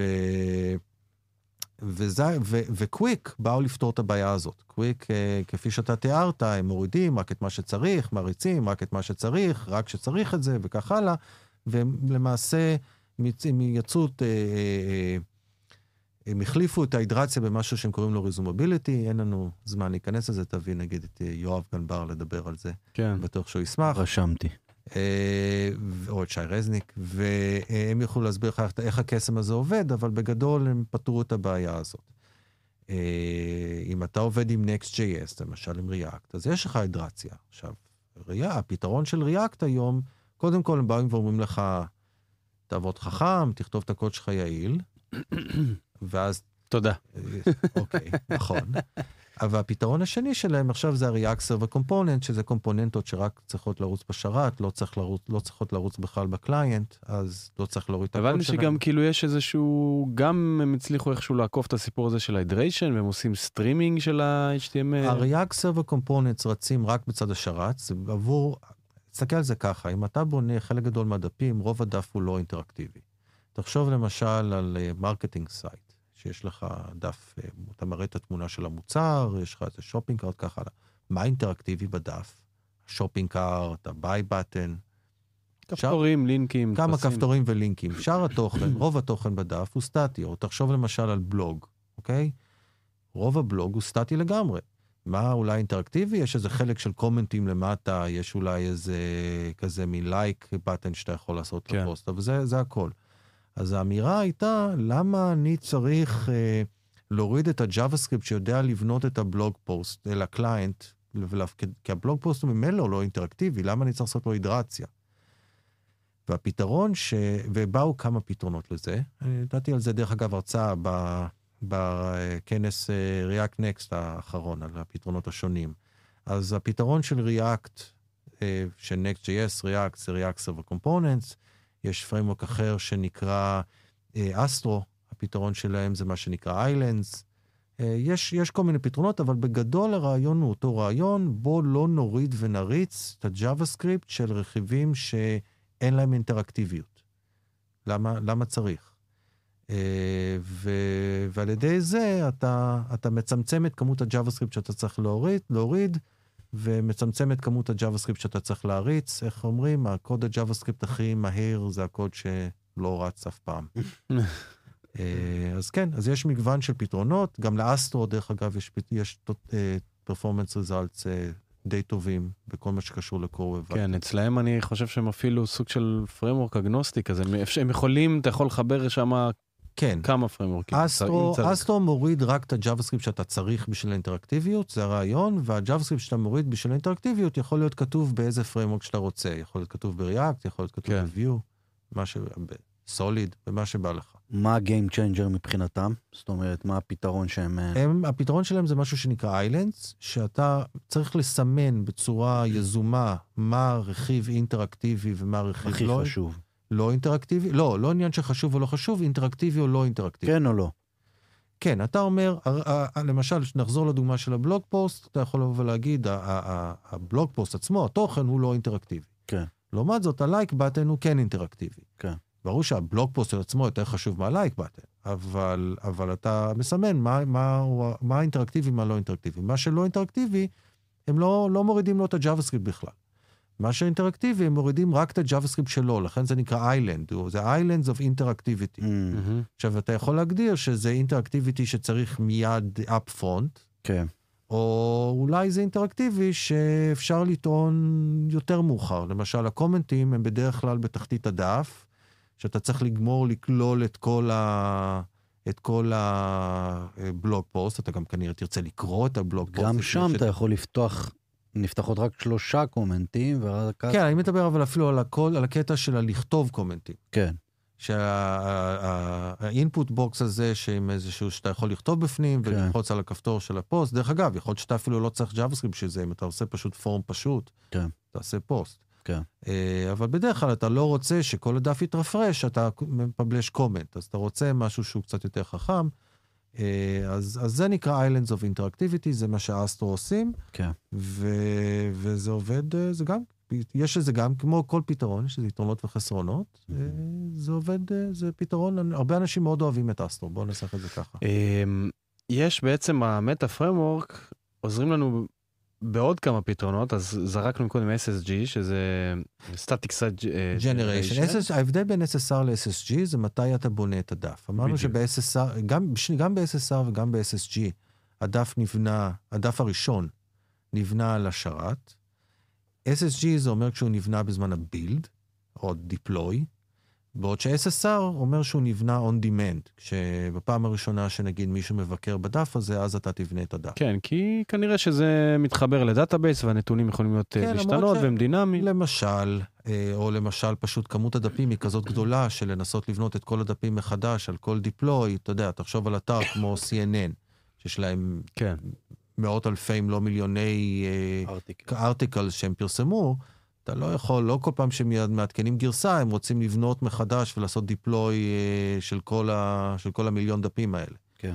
האמת היא שהיום יותר ויותר נעים לכיוון של SSR ופחות SSG מניסיון שלי, כי SSR הוא, אם עובדים עם CDN בצורה חכמה, SSR אה, הוא, הוא מספיק טוב. לא, אין הרבה יתרון ל-SSG, ו-SSG, אבל, אבל גם יש כאלה שעדיין עובדים SSG. אני חושב שגם, אבל יש גם פתרון ביניים, נכון? יש ISR, שזה אינקרימנטל... Uh, uh, כן, יש משהו כזה, תהרוג אותי אם אני זוכר מה זה אומר. אני, אני, אני אגיד לך מה זה אומר. זה אומר שבסוף זה שומר אה, גרסה מסוימת של העמוד שלך באיזשהו אה, קאש, למשל Cloudflare, אבל הוא שומר אותו לזמן מסוים. זאת אומרת, כעבור אה, יום, אני מריץ אותו עוד פעם כדי לשמור עוד גרסה, ואז יוצא מצב שאתה יכול ליצור פה משהו שהוא גם SSR, אבל הוא ברגע השליפה זה יכול להיות גם SSG סוג של SSG. אני חושב שמה שאתה מדבר עליו הוא בעיקר משהו שנקרא stale while revalidate. אז, אז קודם כל נדבר קצת על CDN. קודם כל, CDN זה אחלה פתרון בשביל performance טוב. אה, כי אה, יש לך משתמשים בכל רחבי העולם, ולא, וכנראה אין לך data centerים בכל רחבי העולם, אז ו-CDN הוא פשוט עושה caching של התוכן במקום שהוא קרוב פיזית למשתמש, פחות hopים כדי להגיע ל content, אז, הוא, אז כמובן התשובה מגיעה יותר מהר. עכשיו, CDN עושה caching, אתה גם יכול לעשות caching ב browser. למעשה, להפך, רצוי שתעשה גם caching ב browser. אבל אתה יודע, אומרים שיש אה, שני, שני דברים אה, קשים בתכנות. naming, th- naming things, caching and off by one errors. Uh, לעשות caching בצורה טובה זה לא טריוויאלי, כי הרבה פעמים זה יותר, אם אתה לא תעשה caching מספיק, אז אתה יודע, אז לא שיפרת את ה performance. אבל אם תעשה caching יותר מדי, אתה תיתן למשתמשים שלך content... לא עדכני. לא עדכני, וזה עשוי להיות מאוד גרוע. זאת אומרת, אה, תחשוב אה, נגיד על אה, אתר חדשות, ובדיוק יש, אתה יודע, סיפור מתפרץ, אני יודע מה, 9-11, ואתה שולף מה cache. ואתה שולף מה cache, ואתה רואה, אתה לא רואה את החדשות. כן. כאילו, מה... אז אז היתרון, ש... אז גם, אז כשאתה עושה caching, גם ב-CDN או גם על ה... על ה... ב browser שלך, אתה צריך באמת להגיע לאיזשהו שיווי משקל בין cache מספיק ארוך, כדי שבכלל יהיה טעם ל cache, לבין mm. cache לא ארוך מדי, כדי לא לתת content לא עדכני. עכשיו, ל-CDN, יש, יש פה כמה פתרונות אפשריים. א', ל-CDN יש יתרון, יתרון אחד גדול של CDN על פני קאש של בראוזר, יש לו שני יתרונות. א', זה שהוא משותף. זאת אומרת, אה, אתה בא צריך את הדף, אין אותו ב-CDN נגיד, ה-CDN מביא, הולך לשרת, מביא אותו, מחזיר לך ושומר אותו אצלו עותק בקש.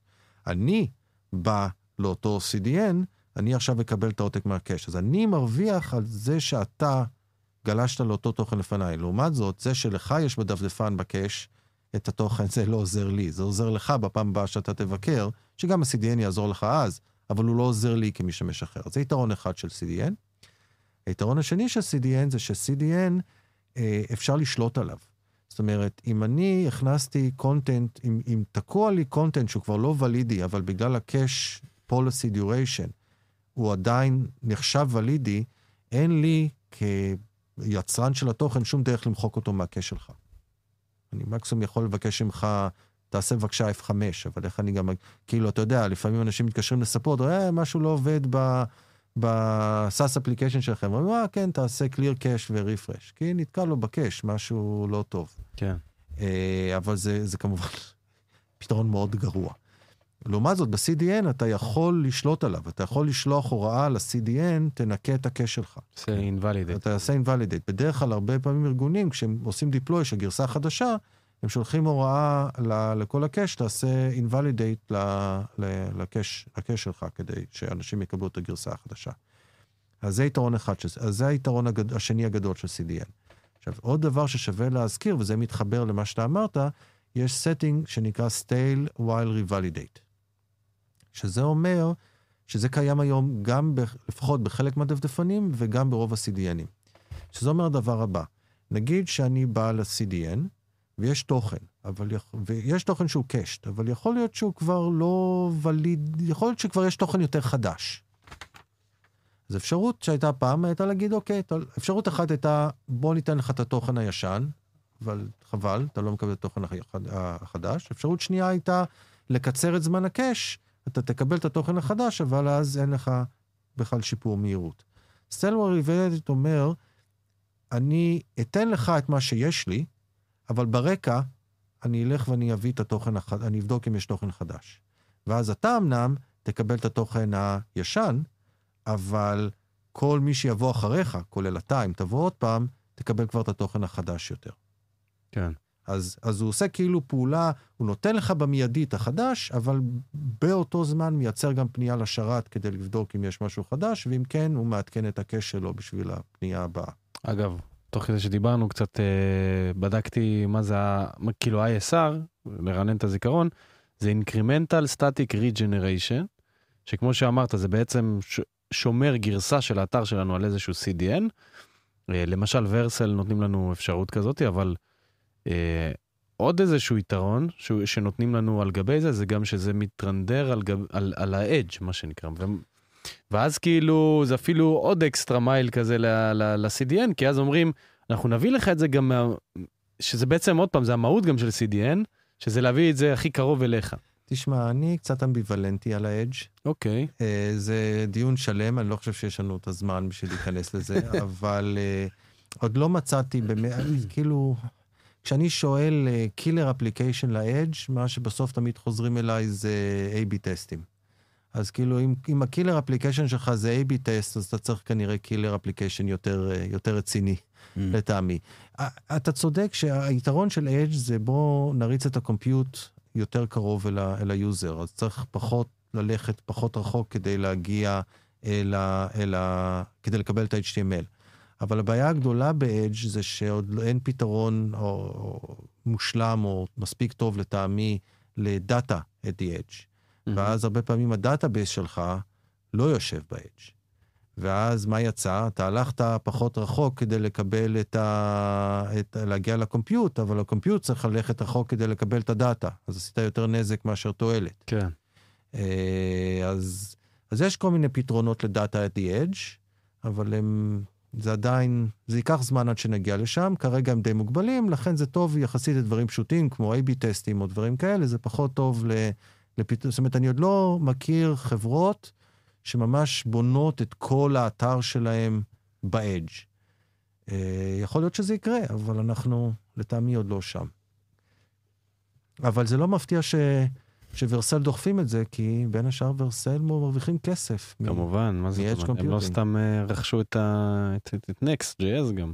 אה, כן, זאת אומרת, הם מקדמים את זה במסגרת Next.js, אה, כי... כדי לדחוף אנשים ל-Edge Computing. אגב, דיברנו על זה ספציפית גם בפרק אה, על React, אירחנו את ניר קאופמן, שגם עבדתם ביחד בנקסט, נכון. נקסט. אינשורנס. אז גם דיברנו על זה ש... הלוואי עליי השר של ניר. ניר קאופמן. כן, ניר. כן. לא, לא הרגיל, כן, אתה... אין לי, יש לך יותר ממני, תהיה בשקט. לא, אני רואה שלא. אז דיברנו שם על, על זה שיש בעצם איזשהו טרנד עכשיו, שחברות אה, רוכשות פרמורקים עם קהילות, אבל בפועל יש איזשהו משהו מסחרי שעומד מאחורי זה, כמו ורסל ונקסט, וכמו נטליפיי וגצבי נדמה לי, ושופיפיי כן, למרות. שגצבי, גצבי, כן, גצבי זה חבל. הם קנו, קנו את גצבי וטלבנטי. טלבנטי הם לגמרי ניסו להרוג. הם אחר כך, מי- מישהו אחר קנה את זה מהם. גצבי, אני חושב עדיין אצלם, אבל מתי הפעם האחרונה שמעת על מישהו שהשתמש בגצבי? אני חושב שזה חצי... לא יודע, סתם אנקדוטה, כי, תראה, כי אני דיברנו לא, על זה אני כבר. לא חושב שזה דבר רע שזה כשלעצמו. אני חושב שאנשים שעובדים על open source צריכים למצוא דרך להתפרנס. לא, זה נכון. אה, דר- למשל, אה, אתה יודע, אני לא רוצה להשמיץ את אה, Netlify, אה, ריין קרניאטו, שהזכרתי אותו קודם, שעובד על Solid, שזה גם כן framework ממש מגניב, וגם כן מאוד טוב אם אתה מחפש performance טוב, אה, במיוחד לתגובתיות. הוא אה, פחות התפקס על הקטע הוריד את של ה virtual דום בעצם, נכון? נכון, הוא, הוא כן, אין, אין virtual DOM, במקום זה יש אה, אה, סיגנלים ו-fine grain reactivity. שריאקט גם מנסה עכשיו אה, אה, לא להגיע בדיוק. לשם. לא בדיוק, כי React, לא, אני לא, לא אסכים עם הקביעה הזאת, אבל זה, שוב, זה דיון אחר. אה, אני מסכים שריאקט מנסים לצמצם את העלות של virtual DOM, אבל הם ממש לא מנסים להיפטר מה-virtual DOM, וממש לא מאמצים סיגנלים. אה, טוב, אז אה, בואו נחזור רגע לשיחה שלנו. אה, ככה אני רוצה בתור משהו אחרון, טיפה זרקנו את זה מקודם, אבל אולי אתה יכול טיפה להרחיב, אז בוא נגיד שכבר העמוד שלנו ניתן.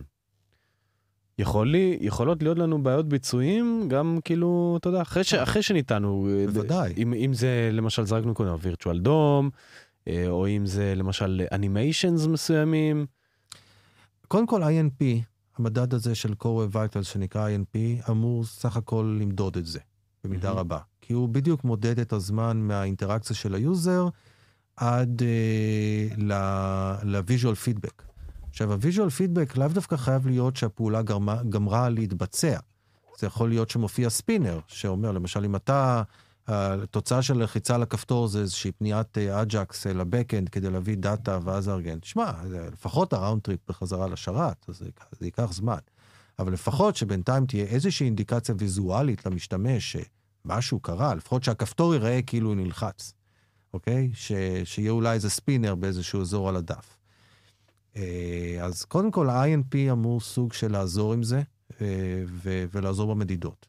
עוד דבר שקורה זה שגוגל עובדים, לא רק גוגל, אפשר להגיד באופן כללי, גם גוגל, אבל באופן כללי במסגרת של ה-Web Performance Working Group של W3C, לראות אם אפשר למדוד גם לא רק hard navigation, אלא מה שנקרא soft navigation. זאת אומרת, אם אתה עובד על single page application, ואתה עובר מדף א' לדף ב', אבל זה הכל קורה client side, היום מבחינת core vitals כאילו לא קרה כלום. core vitals לא מודע mm-hmm. לנביגציה של פנימית של single page. כי לכאורה הוא אמור למדוד את זה מחדש, אם הוא היה מודע לזה, לא? כן, אבל, אבל היום הוא פשוט לא מודע לזה, כן. הוא רק מודע לטעינה מחודשת של ה-HTML. אה, זמן האפס של ה session. אה, גוגל היום עובדים עם ה-W3C על איך אפשר לייצר היוריסטיקות שמזהות את אותם soft navigations, אתה יודע, להסתכל על האדרס שמשתנה, להסתכל על כל מיני דברים כאלה, ולמדוד גם, להתייחס אל, גם אליהם כחלק בתהליך של ה-core vitals. ברגע שזה יקרה, אז ה-core vitals יהפכו להיות הרבה יותר רלוונטיים לאותם SaaS applications שהם long-lived, שאנשים חיים בתוכם. כי אתה כן רוצה, כשאתה כבר בתוך ה-SaaS application, שאתה עושה דברים שדברים יגיבו מהר, זאת אומרת INP, ושסופט נביגיישנס יימדדו, ושתהיה חוויה מהירה, אז ברגע שזה יקרה, core vitals יהפכו לפתע להיות מאוד רלוונטיים, גם לא, במקרים האלה של האינטראקטיביות, כשאתה כבר בתוך האפליקציה. עד שזה יקרה, אתה יודע, תמדוד אתה את מה שרלוונטי לך. אם יש איזשהו API שאתה קורא לבקאנד, ואתה יודע שזה API שלוקח בפוטנציה ש... שזה API משמעותי, שהיוזר יושב ומחכה, תמדוד אותו. אתה רואה שיש רגרסיה ל-API הזה, תוציא אלרט. אתה לא חייב, זה ש-Core Vital זה מדידות, ושגוגל עוזרים לך למדוד אותם, זה לא אומר שזה הדבר היחידי שאתה צריך או יכול למדוד. אתה יכול למדוד מה, מה שאתה רוצה. אתה יודע, יש למשל Performance Now, שמודד את הזמן יחסית להתחלת הסשן, תעשה כן. Performance Now לפני, תעשה Performance Now אחרי, תראה כמה זמן עבר. כן. אה, תחשב אחוזונים, תראה אם אתה, אם זה נראה לך גרוע מדי, תראה אם אתה, אם זה הולך ונהיה יותר ויותר איטי ככל שעובר הזמן. זה יכול לעזור לי למשל עם אנימיישנס, כאילו, אה, אם, אם גרמתי עכשיו לאיזשהו repaint אה, או reflow, כי עשיתי אנימציה על ה-left ו top שלי במקום על, trans, על ה transform שלי. core vitals כעיקרון לא עוזרים באנימציות. CLS יכול להיות מושפע אה, מאנימציות, מאנימציות לא טובות, אבל, אבל זה סוג של side effect יותר מאשר המטרה שלו. אה, אם אתה, הרי המטרה זה להגיע לאנימציה חלקה, שזה אומר 60 FPS, frames per seconds, פר סקנד, אבל core vitals לא מודד את זה כעיקרון. אה, אבל היום מוסיפים API, עובדים על הוספת APIים לתוך הבראוזר שיאפשרו מדידות של הדברים האלה. ככה שאני מניח שכלים, שוב, כמו Sentry, כמו SpeedCurve, כמו כאלה, כמו Akamai, אה, איך זה נקרא? יש להם גם כן מוצר שזה, Datadog נדמה לי יש להם מוצר, מוצר לזה. אז הם, אני מניח, יתחילו באיזשהו שלב למדוד לך גם חלקות של אנימציות. אה, אז, אבל היום אין כלי off the shelf שאני מודע עליו שמודד חלקות של האנימציות שלך. אבל מצד שני, אתה יודע, פתח אה, או שתפתח את, ה... את האתר שלך על המחשב הגרוע של אה, חמותך, או על הטלפון זהו, ה... צריך- גם מחשב גרוע כדי לפעמים לזהות את זה. או שתפעיל לא, את, ה... כן. את ה-throttling בתוך ה-DevTools, אם אתה יודע, זה גם אופציה, ותראה, ותנסה, תראה בעין, תראה מה קורה. אה, שמע, אנחנו לא, לא מזמן, היה, היה לנו איזו אנימציה ב- ב-Next Insurance, שהמפתח בצורה מאוד אה, נאיבית עשה את ה animation על, ה- על ה position, אה, ושינינו את זה לאנימציה על, ה- על, על transition, והאנימציה הפכה להיות אה, דרמטית יותר חלקה. אתה יודע, זה לא באמת השפיע על אף אחד מהמדדים, זה פשוט, אה, אתה יודע, הסתכלנו על האתר, אמרנו, וואו, וואלה, האנימציה הזאת נראית אה, מאוד אה, janky. כן. ואז הלכנו, בדקנו, וראינו, ראינו כאילו, למה. מה, מה קורה בעצם כשאני מעביר את זה לטרנספורם? זה בעצם... זה, זה, זה מעביר את הרינדור ל-GPU, אני, אם אני לא כן, אבל נכון? הנקודה היא כזאת, אה, אתה חוסך את ה-reflow. כשאתה מזיז פוזיישן, מבחינת הבראוזר, כשאתה משנה מיקום של אלמנט בדף, זה יכול בפוטנציה להשפיע על המיקום של כל אלמנט אחר בדף. כן, אה, לפחות את כל האלמנטים שבאים אחר כך ב-HTML, זה יכול אה, לדחוף אותם. בדיוק. אה, אז כשאתה משנה position, אתה עושה לדף, לדפדפן עבודה קשה. אומר, רגע, הזזת את הזה, עכשיו אני צריך לבדוק את כל הדברים שבאים אחריו, לראות שהם לא זזו. וזה כאילו, משהו, אתה, אתה מדבר נגיד בהנחה שהתחלתי לשחק למשל עם margin. או size או position. אתה מזיז משהו, דוחף דברים. כי נדמה לי שאם אני מעביר את זה ל position absolute או fixed, אז בעצם עובר ל layout, כאילו, כביכול... כן, שוב, אתה יודע, זה, זה, זה מסובך, אבל ה bottom line זה כשאתה משנה position, יש עבודה ל-CPU. כן. CPU צריך ללכת ולבדוק מה קורה עם כל מיני אלמנטים אחרים בדף, Mhm. איך זה משפיע עליהם. לעומת זאת, כשאתה עושה transition, מוגדר שזה לא יכול להשפיע על שום דבר אחר. זה כאילו layer אחר ויזואלית, זה כאילו, אה, אתה, אתה מזיז, זה כאילו דף אה, שקוף כזה שאתה מצויר עליו התוכן הזה, ואתה הזזת אותו מעל כל התוכן האחר בלי להשפיע על התוכן האחר. אז בגלל שאתה לא השפעת על אף תוכן אחר, לא צריך עבודה של CPU, יכול לעשות את זה ה-GPU, זה הרבה יותר קל, זה הרבה יותר חלק, הדפדפן עושה את העבודה, עבודה הרבה פש... יותר פשוטה, מאוד מאוד מהירה. אמרנו, עוד בתחילת ההרצאה, כשדיברנו על, ה... על איך עשיתי את ה-Remote Access Solution, אמרנו שהדפדפן ממש טוב בלנצל את החומרה כדי לעשות אנימציה מהר אם אתה לא מפריע לו. כן. אם אתה עושה את זה עם טרנזישן, אתה לא מפריע לו, אתה נותן לו לעשות את זה ממש מהר.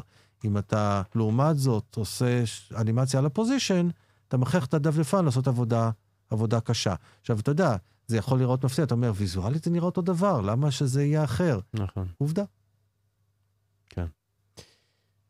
אני חושב שאפשר לסכם, לא? מה, נסכם? אה, טחנו למאזינים את המוח, לא? בסוף הפרק הזה, אני חושב ש... הוא חובה, קודם כל, כי, כי בס... אם אנחנו נצליח לגרום ל... לפחות לחבר'ה הישראלים, ו... ולהרבה ישראלים יש גם השפעה בינלאומית, אם נצליח. לגרום להם אה, אה, לקבל מודעות לכל הדברים האלה, אז מן הסתם, הווב יהיה עולם שהרבה יותר כיף לחיות בו. כן, אני גם חושב שזה יכול לתרום מאוד uh, להצלחה האישית של, הח- קודם כל להצלחה של החברות. חברה היא מוצר ש, שיותר כיף למשתמשים להשתמש בו, אז הסיכוי של המוצר להצליח יותר, גב- יותר גדול, ומוצרים שמגיבים מהר זה ללא ספק מוצרים שיותר נעים ויותר כיף להשתמש בהם.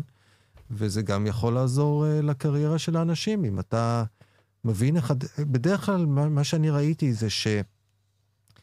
מפתחים שאכפת להם מפרפורמנס ויודעים איך לשפר פרפורמנס, הם מפתחים באופן כללי יותר טובים.